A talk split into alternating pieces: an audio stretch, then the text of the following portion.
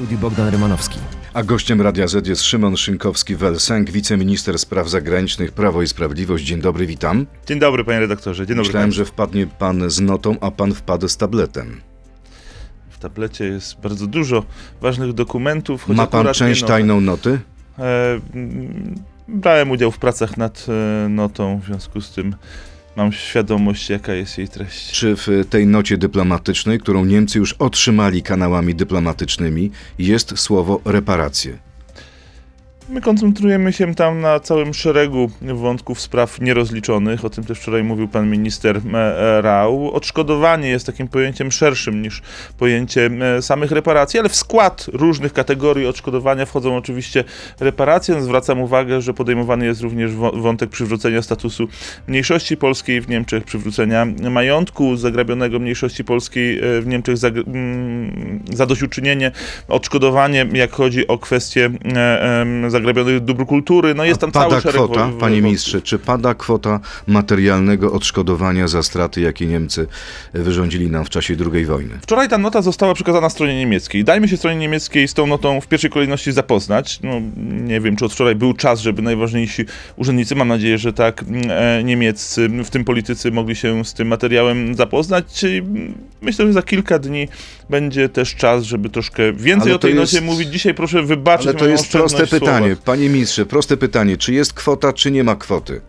To prawda, że pytanie jest proste, ale skoro chcemy dziś być jeszcze oszczędni w słowach w zakresie informowania szeroko, co w tej nocie się znajduje, to pozostańmy przy tym, że kategoria spraw nierozliczonych wskazanych w nocie jest bardzo szeroka. I wczoraj to zostało w takim zakresie, w jakim chcielibyśmy na ten temat e, mówić, e, omówione przez pana ministra Rała. Dzisiaj pan minister Rau spotyka się z e, swoją odpowiedniczką z Berlina, panią minister Baerbock. Ona przyjeżdża do Warszawy, przyjechała wczoraj.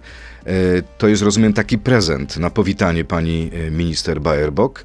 Nie, ta wizyta była zapowiedziana jakiś czas temu. Em, Nota też miała swój rytm, jak chodzi o przygotowanie tego dokumentu. Zwracam uwagę, że ta nota została przygotowana no, w miesiąc po opublikowaniu raportu, więc w takiej formule prac, procedur dyplomatycznych, które często długo trwają, to dość szybko.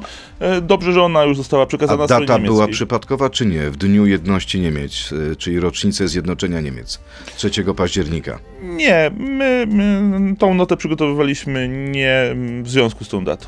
Wysłać notę to nie sztuka, sztuką jest uzyskać od Niemiec zadośćuczynienie. Jak to zamierzacie zrobić? Bo mamy oficjalne stanowisko Berlina, nie ma żadnej podstawy prawnej do reparacji. To stanowisko rzeczywiście jest e, dość sztywne i niezmienne e, od dłuższego czasu. Niemniej jednak, po pierwsze w Niemczech mm, wywołano dyskusję, tak, że dzięki raportowi, teraz dzięki nocie niewątpliwie ta dyskusja też będzie się intensyfikowała e, o kwestiach nierozliczonych e, w tej chwili krzywd, również właśnie nierozliczonych e, w sensie e, finansowym wyrządzonym przez Niemcy w trakcie II wojny światowej. To są e, w bardzo wielu obszarach wyrządzone szkody. To jest ponad 5 milionów zamordowanych naszych obywateli. E, To jest e, kwestia zagrabionych środków w bankach, środków w ubezpieczalniach, zagrabionych dóbr kultury, zniszczeń materialnych. To wszystko jest w raporcie wskazane i to wywołało dyskusję po stronie niemieckiej. To wywołało również głosy po stronie niemieckiej, pokazujące, że tego tematu nie da się przemilczeć. No, Mamy przynajmniej- sojuszników po stronie niemieckiej. Możemy powiedzieć, że są środowiska w Niemczech, które wspierają polski punkt widzenia. Tak. e, Jakie Mamy na przykład?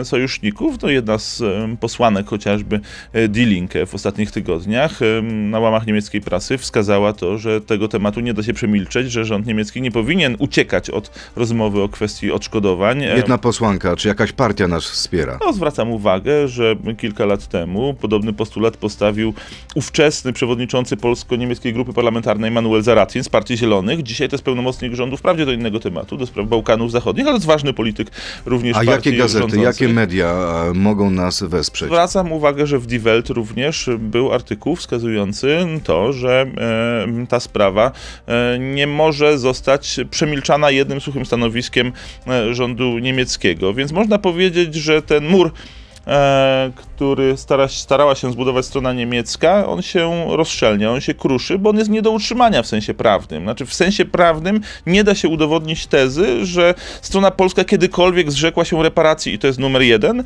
Numer dwa, że kiedykolwiek strona niemiecka w sposób właściwy wywiązała się wypłacając odszkodowania. No. Pan mówi, że kruszy się ten mur po stronie niemieckiej, tymczasem polska opozycja mówi wprost. Ta nota to jest tak naprawdę e, igrzyska dla ludu. To są igrzyska dla ludu, bo nie ma węgla. Hitler. Opozycja tak mówiła, kiedy przygotowywano raport, pytała, gdzie jest raport, kiedy będzie w końcu raport. Tak jakby nie dowierzała, że ten raport będzie. Raport został opublikowany po długim czasie, ale praca niesłychanie rzetelna. Naprawdę nie słyszałem kogoś, kto by e, w jakiejkolwiek e, elemencie tego raportu znalazł jakąś słabość i próbował ją merytorycznie e, zaatakować. Ale kluczowa sprawa Później to było pytanie, kiedy nota? Nota dojścia, po miesiącu. Sposób dojścia do tego, żebyśmy otrzymali cokolwiek od Niemiec. Czy jest taka mapa drogowa? Czy to jest rozpisany scenariusz na tygodnie, miesiące i lata? to jest scenariusz rozpisany na lata. To sobie trzeba jasno powiedzieć, e, a być może w warstwie ostatecznego rozliczenia na pokolenia. O tym też mówił wczoraj pan, pan premier Mateusz Morawiecki. A wie pan, jak to zostanie, może być zostać y, odebrane, że tu nie chodzi o złapanie, tylko gonienie króliczka. No nie, ale bardzo jasno widać, że kolejne etapy są odhaczane w tym harmonogramie. Powstał raport, została skierowana nota, w nocie jest propozycja. E, rozwiązania tego tematu. Tą propozycją e, z naszej strony, i to jest propozycja podtrzymana, ona zawarta została również w raporcie, byłoby zawarcie umowy dwustronnej. Umowy dwustronnej między Polską a Niemcami, która rozliczałaby wszystkie te kwestie. I tą propozycję my kładziemy na, stronę, na, na stole. Czekamy teraz, co strona niemiecka na to odpowie. Na razie rząd premiera Morawieckiego zrobił wszystko, żeby tych reparacji nie dostać. Tak pogorszył nasze stosunki z Niemcami, tak absurdalnie atakował Niemcy, jakby przygotowywał grunt pod to, żeby odpowiedź Niemiec była negatywna. Tak się nie prowadzi dyplomacji. To opinia Borysa Budki. No, Borys Budka, mm, nie wiadomo mi nic o jego specjalizacji, jak chodzi o relacje polsko-niemieckie. Ja akurat e, relacjami polsko-niemieckimi zajmuję się od lat i mam zupełnie odmienną opinię. Panie ministrze, czy grozi nam trzecia wojna światowa? Amerykański senator Mark Rubio, członek tamtejszej Komisji do Spraw Wywiadu, mówi, że możliwy jest atak Rosji na hub logistyczny, jakim jest Polska, bo przez Polskę przechodzą dostawy broni na Ukrainę. Polska jest krajem bezpiecznym. Dzisiaj snucie tego rodzaju e, scenariuszy, moim zdaniem, e, nie służy nikomu innemu, e, jak tylko Rosji, ponieważ wywołuje strach. Powinniśmy. Myśli pan, że Polacy się, się przestraszą? Może powinniśmy mieć świadomość zagrożenia, może powinniśmy coś z tym zrobić. Nie obawiam się tego, że Polacy się przestraszą, bo Polacy są odważnym narodem i to udowadnia cała nasza historia. Natomiast nie warto wprowadzać takich elementów niepokojących e, w życie społeczne, tym bardziej, że one są nieuzasadnione. Dzisiaj Polska jest e, krajem NATO, mamy silnych sojuszników, mamy gwarancję artykułu 5, mamy e, rozbudowywaną armię, no, cały szereg zakupów przewidzianych na ten i przyszły rok. Bajraktary jeszcze dojdą w tym roku. E, e, pierwsze niszczyciele się pojawią w tym roku. E, armatochaubice Krab pojawiają się no w dobrze, tym roku. ale dobrze pan wie, że na razie 50. patrioty chronią okolice Rzeszowa, bo tam jest jednostka amerykańska. Patrioty Nie ma też, ochrony całego kraju. Patrioty też systematycznie do nas będą dojeżdżać, więc my, panie redaktorze, w tym roku wydamy na zbrojenia 57 miliardów złotych. To jest 2,4% PKB. To jest historyczny To wynik. wspaniale, tylko że ten sprzęt przyjdzie do nas za miesiące albo lata, a dzisiaj? Nie, ten sprzęt już do nas częściowo przychodzi. No, jest polska produkcja, e, są, jest obrona przeciwpowietrzna, pan redaktor na ten temat e, wspomniał, są e, polskie zestawy poprat. No, systematycznie to uzupełniamy. Oczywiście nie jest tak, że dzisiaj to wszystko jesteśmy w stanie kupić w miesiąc. Tak to nie Czyli działa. trzecia wojna światowa nam nie grozi? Może pan powiedzieć to, to naszym słuchaczom? Trzecia wojna światowa nam nie grozi, bo mamy silne zobowiązania sojusznicze, zbroimy się i wzmacniamy naszą siłę odstraszania. A jak podoba się panu propozycja miliardera Ilona Maska na pokój między Ukrainą a Rosją? No to nie jest propozycja poważna. To jest propozycja, która spełniałaby cały szereg um, oczekiwań Federacji Rosyjskiej, a przede wszystkim zachęcałaby um, Rosję, żeby iść dalej. Bo gdyby tą propozycję potraktować poważnie, to oznaczałoby, że Rosja uzyskuje usankcjonowanie status quo na Krymie, że Rosja uzyskuje możliwość decydowania o terytorium Ukrainy e, e, w, w referendach. Przepraszam, ale trudno to traktować e, poważnie. Nie, to jest jakaś propozycja rzucona na Twitterze przez osobę rozpoznawalną na Twitterze, ale poważna ona nie jest. Ale mającą olbrzymie wpływy, olbrzymie pieniądze. Nawet mówi się o tym, że no w jakimś sensie reprezentuje głos Ameryki. Czy Ameryka, czy rząd amerykański może wykorzystywać pana Maska, No nie. puszczając takie propozycje? Głos Ameryki reprezentuje prezydent Stanów Zjednoczonych, reprezentuje kongres. E, Elon Musk rzeczywiście jest ważnym biznesmenem, osobą wpływową, słyszalną na świecie, ale póki co nie decyduje jeszcze o stanowisku Stanów Zjednoczonych. A póki co my przechodzimy no, do internetu na Radio Z.pl, Facebooka i YouTube'a. Tam w części e, internetowej z naszym gościem porozmawiamy między innymi o tym, czy Marek Kuchciński dostanie nową posadę. To jest gość Radia Z. A gościem Radia Z, przypomnę, jest Szymon Szynkowski-Welsenk, wiceminister spraw zagranicznych Prawo i Sprawiedliwość. Panie ministrze, e, Marek Kuchciński na miejscu Michała Dworczyka. To byłby świetny strzał personalny? Po pierwsze, ja wiem tyle, ile państwo. To dla mnie jest e, wiadomość medialna. Ja też nie uczestniczę e, w procedurze podejmowania tego rodzaju decyzji. Warto to zostawić mm, e, premierowi Mateuszowi Morawieckiemu. Natomiast chcę powiedzieć, że bardzo wysoko oceniam kompetencje obecnego przewodniczącego Komisji Spraw Zagranicznych Marka Kuchcińskiego, z którym mamy bieżący, stały kontakt.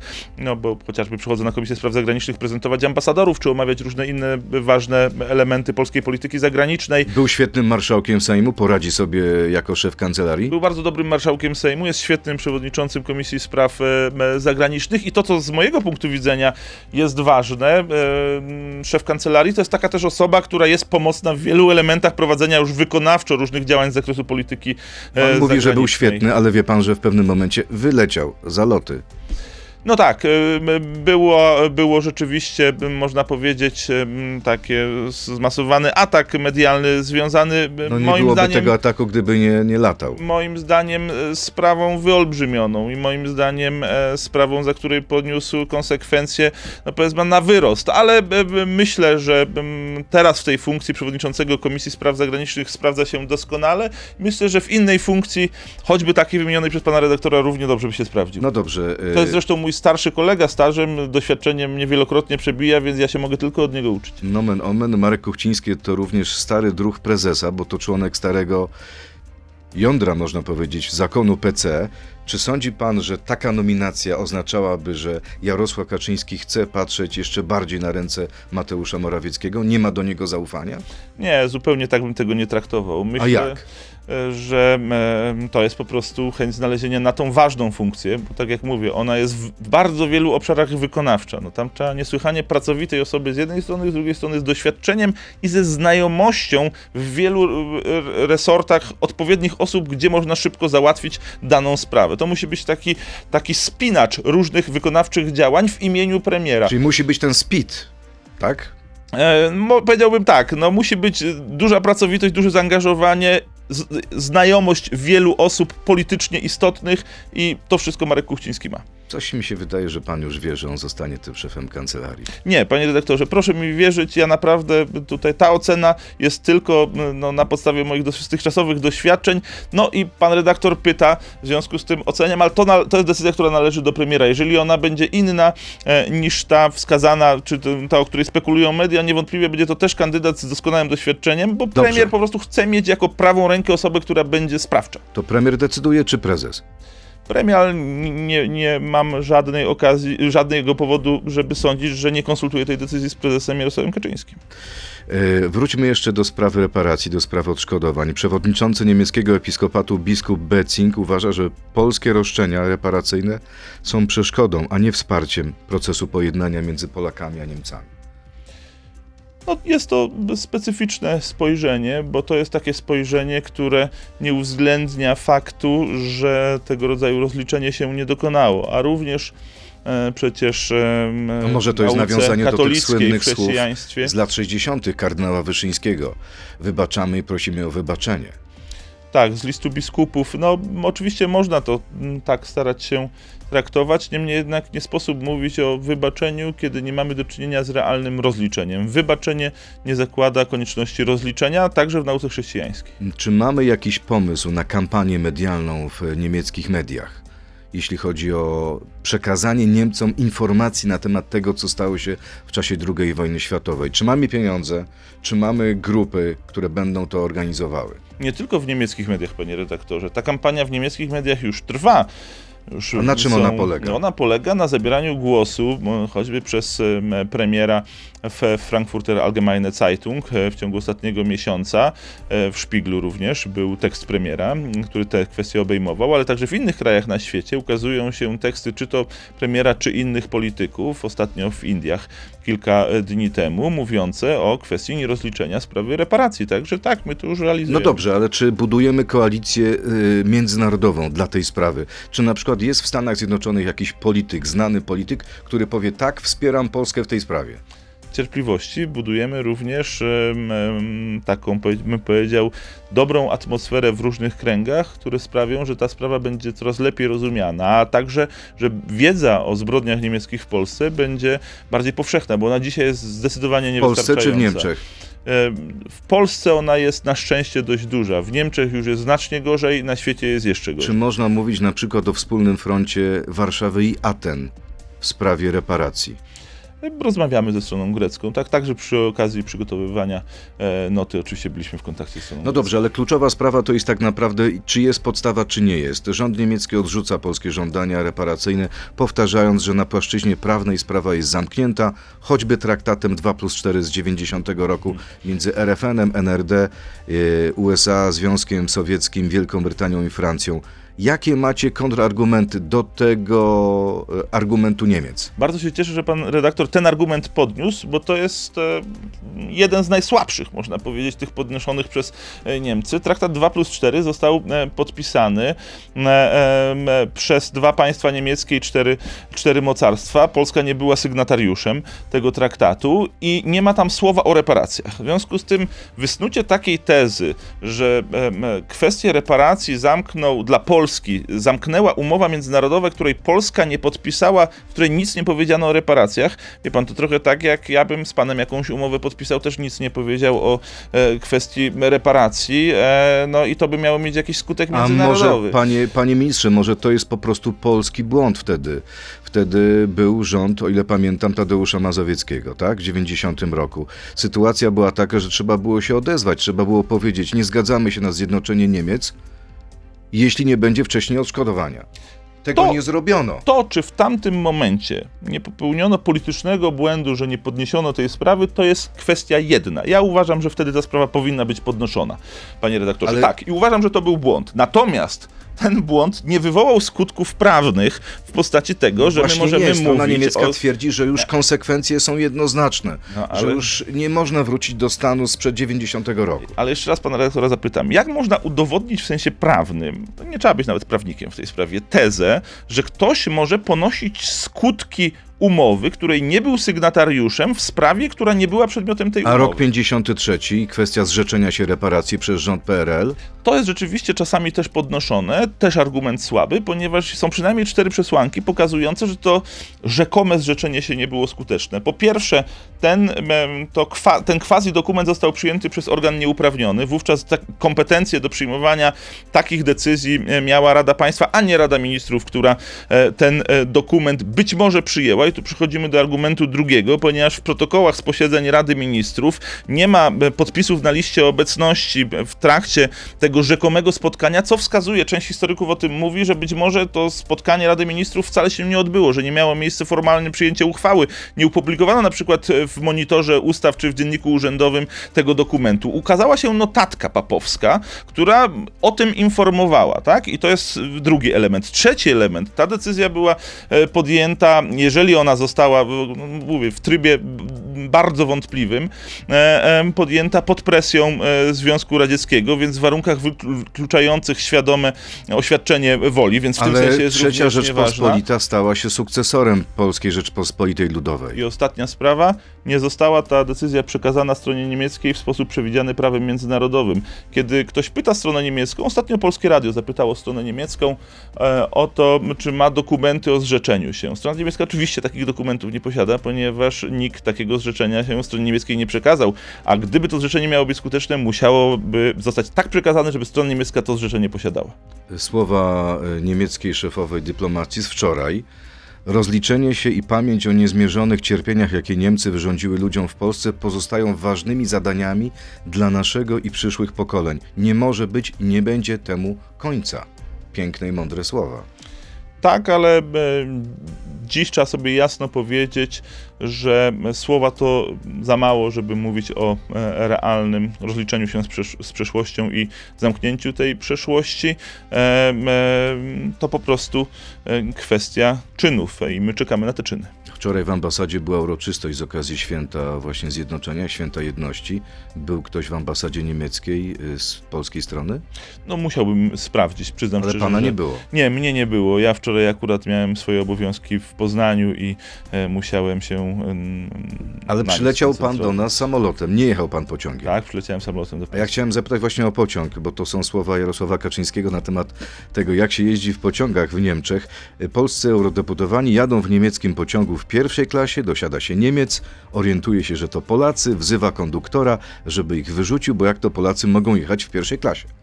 To słowa prezesa Kaczyńskiego. Naprawdę myśli pan, że takie przypadki miały miejsce, czy to prezes sobie wymyślił? Nie sądzę, żeby pan prezes sobie to wymyślił. Myślę, że to akurat kto mu o tym w stałym kontakcie z eurodeputowanymi, więc akurat A myślę, myśli że... pan o po, e, pośle Krasnodębskim i Legutce? Nie wiem, czy akurat oni e, jechali, ale panie redaktorze, e, w Niemczech ja spędziłem też nieco czasu, miałem okazję tam przez pół roku studiować, będąc na stypendium. Ja też mm, ten kraj często odwiedzałem i rzeczywiście jest kilka takich obserwacji, myślę, u każdej osoby, która spędziła tam dłuższą e, część, e, e, czy jakąś część swojego życia. Po pierwsze, znajomość historii, relacji niemiecko-polskich jest bardzo niewysoka. Po drugie, e, Polacy są bardzo często, na szczęście to się zmienia, to ewoluuje, ale cały czas to się zdarza, postrzegani przez pryzmat pewnych stereotypów. Stereotypów e, związanych ze spojrzeniem na Europę Środkowo-Wschodnią jako na region, który za żelazną kurtyną jest trochę takim biedniejszym. A nie sądzi pan, że e, kariera Roberta Lewandowskiego zniszczyła ten stereotyp, zmieniła ten stereotyp? Bardzo dużo zmieniła w no tej właśnie. sprawie, tak, zgadzam się. Że... Czy sądzi pan, że Robert Lewandowski to byłaby dobra osoba, którą w dobrym tego słowa znaczeniu można wykorzystać w kampanii medialnej, informacyjnej w Niemczech na temat odszkodowań? To jest kwestia, wie pan, która oczywiście jest możliwa do rozważenia, ale to jest dzisiaj za wcześnie, żeby e, mówić o Zawodnik Barcelony, możliwości. były zawodnik po pierwsze, Bayernu, a po drugie, wychodzi, udziela wywiadów na temat reparacji. a po drugie, przede wszystkim, no, sam zainteresowany musiałby się w tej sprawie wypowiedzieć. Ale myślicie o tym, zastanawiacie się nad tym, tu trzeba użyć potężnego działa. No, mm, ale jak powiedziałem, ta kampania już jest prowadzona i będzie rozwijana. Jestem przekonany, że jeszcze nie jednym pana redaktora i państwa zaskoczymy. No, e, cały tutaj problem polega na tym, że no, diabeł tkwi, tkwi w szczegółach e, i pytanie jest, e, czy rzeczywiście będziemy mieć argumenty, żeby do tych odszkodowań dojść. E, sprawa Rosji. Ambasador Rosji był wczoraj na dywaniku w polskim MSZ-cie. Czy nadal Polska będzie tolerować jego obecność w Warszawie? Polska wezwała rosyjskiego ambasadora, by wyrazić e, swój, po pierwsze, jednoznaczny sprzeciw wobec organizowanych quasi-referendów e, w czterech e, obwodach ukraińskich, które najpierw no, były przedmiotem tego quasi-głosowania, a później zostały ogłoszone przez prezydenta Putina jako włączone w skład Federacji Rosyjskiej, więc to wymagało zdecydowanego sprzeciwu. Nie był to tylko polski sprzeciw. Podobne wezwania były na Litwie, w Estonii, Myśli pan, w że oni Czechach, się przejęli tymi we Włoszech wezwaniami? również.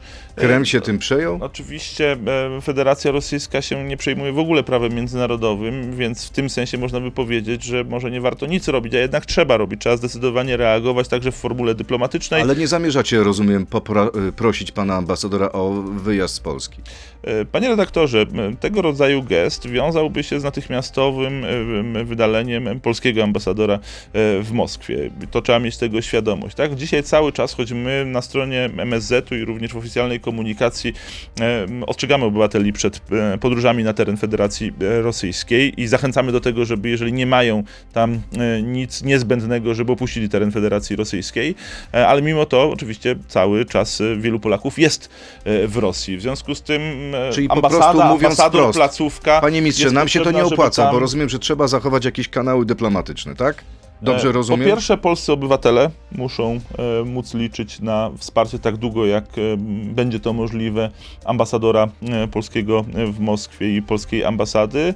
E, na ka- kanały dyplomatyczne to jest powiedzmy drugi element. Tu bym raczej na pierwszym miejscu postawił opiekę nad polskimi obywatelami, bo dzisiaj i tak te relacje dyplomatyczne są w zasadzie zamrożone. Panie ministrze, sekwencja pytań od naszych słuchaczy, wieczór 87. Czy nie uważa pan, że bardziej należy nam się zadośćuczynienie od Rosji?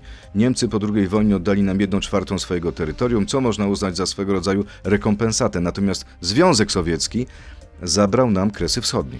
Po pierwsze, absolutnie nie można mówić o tym, że e, terytorium, tak zwane ziemie odzyskane, e, są jakąś rekompensatą. My w ogólnym bilansie tego, co straciliśmy na wschodzie i tego, co jak granica przesunęła się na zachód, straciliśmy około 70 tysięcy e, kilometrów kwadratowych, więc Polska także terytorialnie straciła na II wojnie światowej, to trzeba jasno powiedzieć. Po drugie, nie my rysowaliśmy na mapie Europy te granice, no to inni te granice wytyczali, w związku z tym trudno mówić, że tutaj Polska jakoś podejmowała decyzje e, w tej sprawie. Przecież wiemy, jak wyglądała historia. Polska była przedmiotem, a nie podmiotem decyzji po II wojnie światowej. To rzecz druga. Wreszcie rzecz trzecia. Oczywiście, że e, od Rosji również e, w warunkach, w których byłoby to możliwe, można by było i należałoby dochodzić odszkodowań. Natomiast no, dzisiaj wiemy, że jest to kwestia zupełnie nierealna. Rosja jest państwem łamiącym prawo międzynarodowe, państwem agresorem, państwem ze strony którego można się obawiać różnych rzeczy, a nie od którego można różnych rzeczy oczekiwać. I kolejne pytanie, Pol Krajcak. Jakie konsekwencje poniesie pański kolega Paweł Jabłoński za, cytat, babranie się w dokumentach wykradzionych Pegasusem z telefonu Romana Giertycha? Powiem szczerze, że nie znam e, akurat e, szczegółów tej sprawy. Poza tym, znowu rozumiem, bazujemy na tym elemencie propagandy e, rosyjskiej, która ma się odnosić do, do, bazować na kanale Poufna Rozmowa. Ja nie chciałbym uczestniczyć w, w, dyskusji, która jest elementem rosyjskiej propagandy.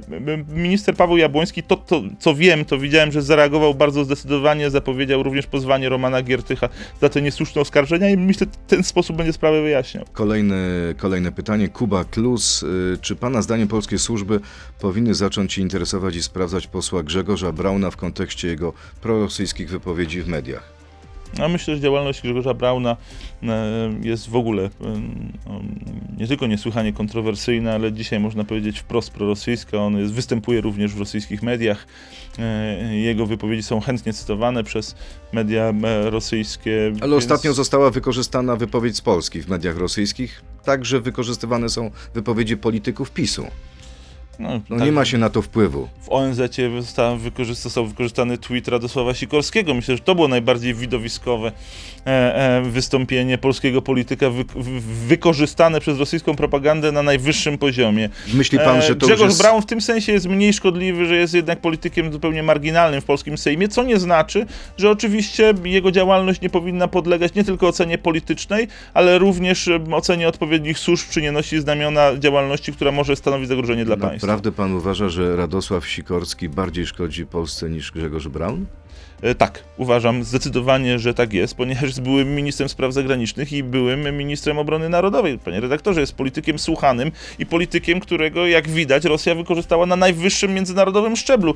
No, raczej cytowanie Grzegorza Brauna pan na tym poziomie nie spotka, bo mało kto wie, kim jest Grzegorz Braun w ONZ-cie. Mówiąc były minister spraw zagranicznych i minister obrony narodowej Polski, jednak z tymi tytułami mówi się dużo więcej. Ostatnia sprawa dotycząca czołgów, leopardów. E, Czy jest w ogóle szansa na to, żeby Niemcy przekazali nam czołgi leopardy w zamian za te czołgi, które my przekazaliśmy Ukrainie? Sądzę, że dzisiaj także pan minister Rau będzie o to pytał panią minister spraw zagranicznych, bo dotychczasowe doświadczenia są w tej sprawie niestety bardzo rozczarowujące. Była deklaracja o gotowości uzupełnienia naszej luki w zasobach, później był pewien czas milczenia, później była mało poważna oferta przesłania nam leopardów jedynek, czyli technologii z lat 60., starszych niż te 72, które daliśmy. No i później była oferta, że możemy otrzymać 20 czołgów, ale mm, w takim czasie, terminie do końca końca przyszłego roku. To trudno uznać za poważną ofertę. Będziemy tą lukę uzupełniać częściowo e, czołgami z Korei, które już e, zamówiliśmy. Natomiast, no oczywiście, jeżeli Niemcy chciałyby powrócić do jakiegoś rodzaju przedstawienia poważnej oferty, to jesteśmy tym zainteresowani. A ulubiony pański niemiecki poeta to? No, e, ja raczej akurat powiem szczerze, wolę poezję polską niż niemiecką. A powieściopisarz? natomiast to, co często Bo czyta czytałem... pan, pan po niemiecku. E, Tak, ale akurat poezję, nie, muszę i poezję, i prozę, panie redaktorze, wolę polską, natomiast z dużą e, satysfakcją czytałem przekłady, czy to Zbigniewa Herberta, czy Wisławy Szymborskiej, czy Czesława Miłosza na język niemiecki. Kiedy studiowałem stosunki międzynarodowe na Uniwersytecie w Poznaniu, to dużą satysfakcję przynosiło mi porównania, jak, tłumaczenia Dediciusa oczywiście, jak można tłumaczyć poezję, to jest fascynujące. Fascynująca rzecz, może to jest temat na kolejną rozmowę. Tym razem musimy kończyć. Szymon Szynkowski-Welsenk, wiceminister spraw zagranicznych, był gościem Radia Z. Bardzo panu dziękuję. Dziękuję bardzo. To był gość Radia Z. Słuchaj codziennie w Radio Z i na player radioz.pl.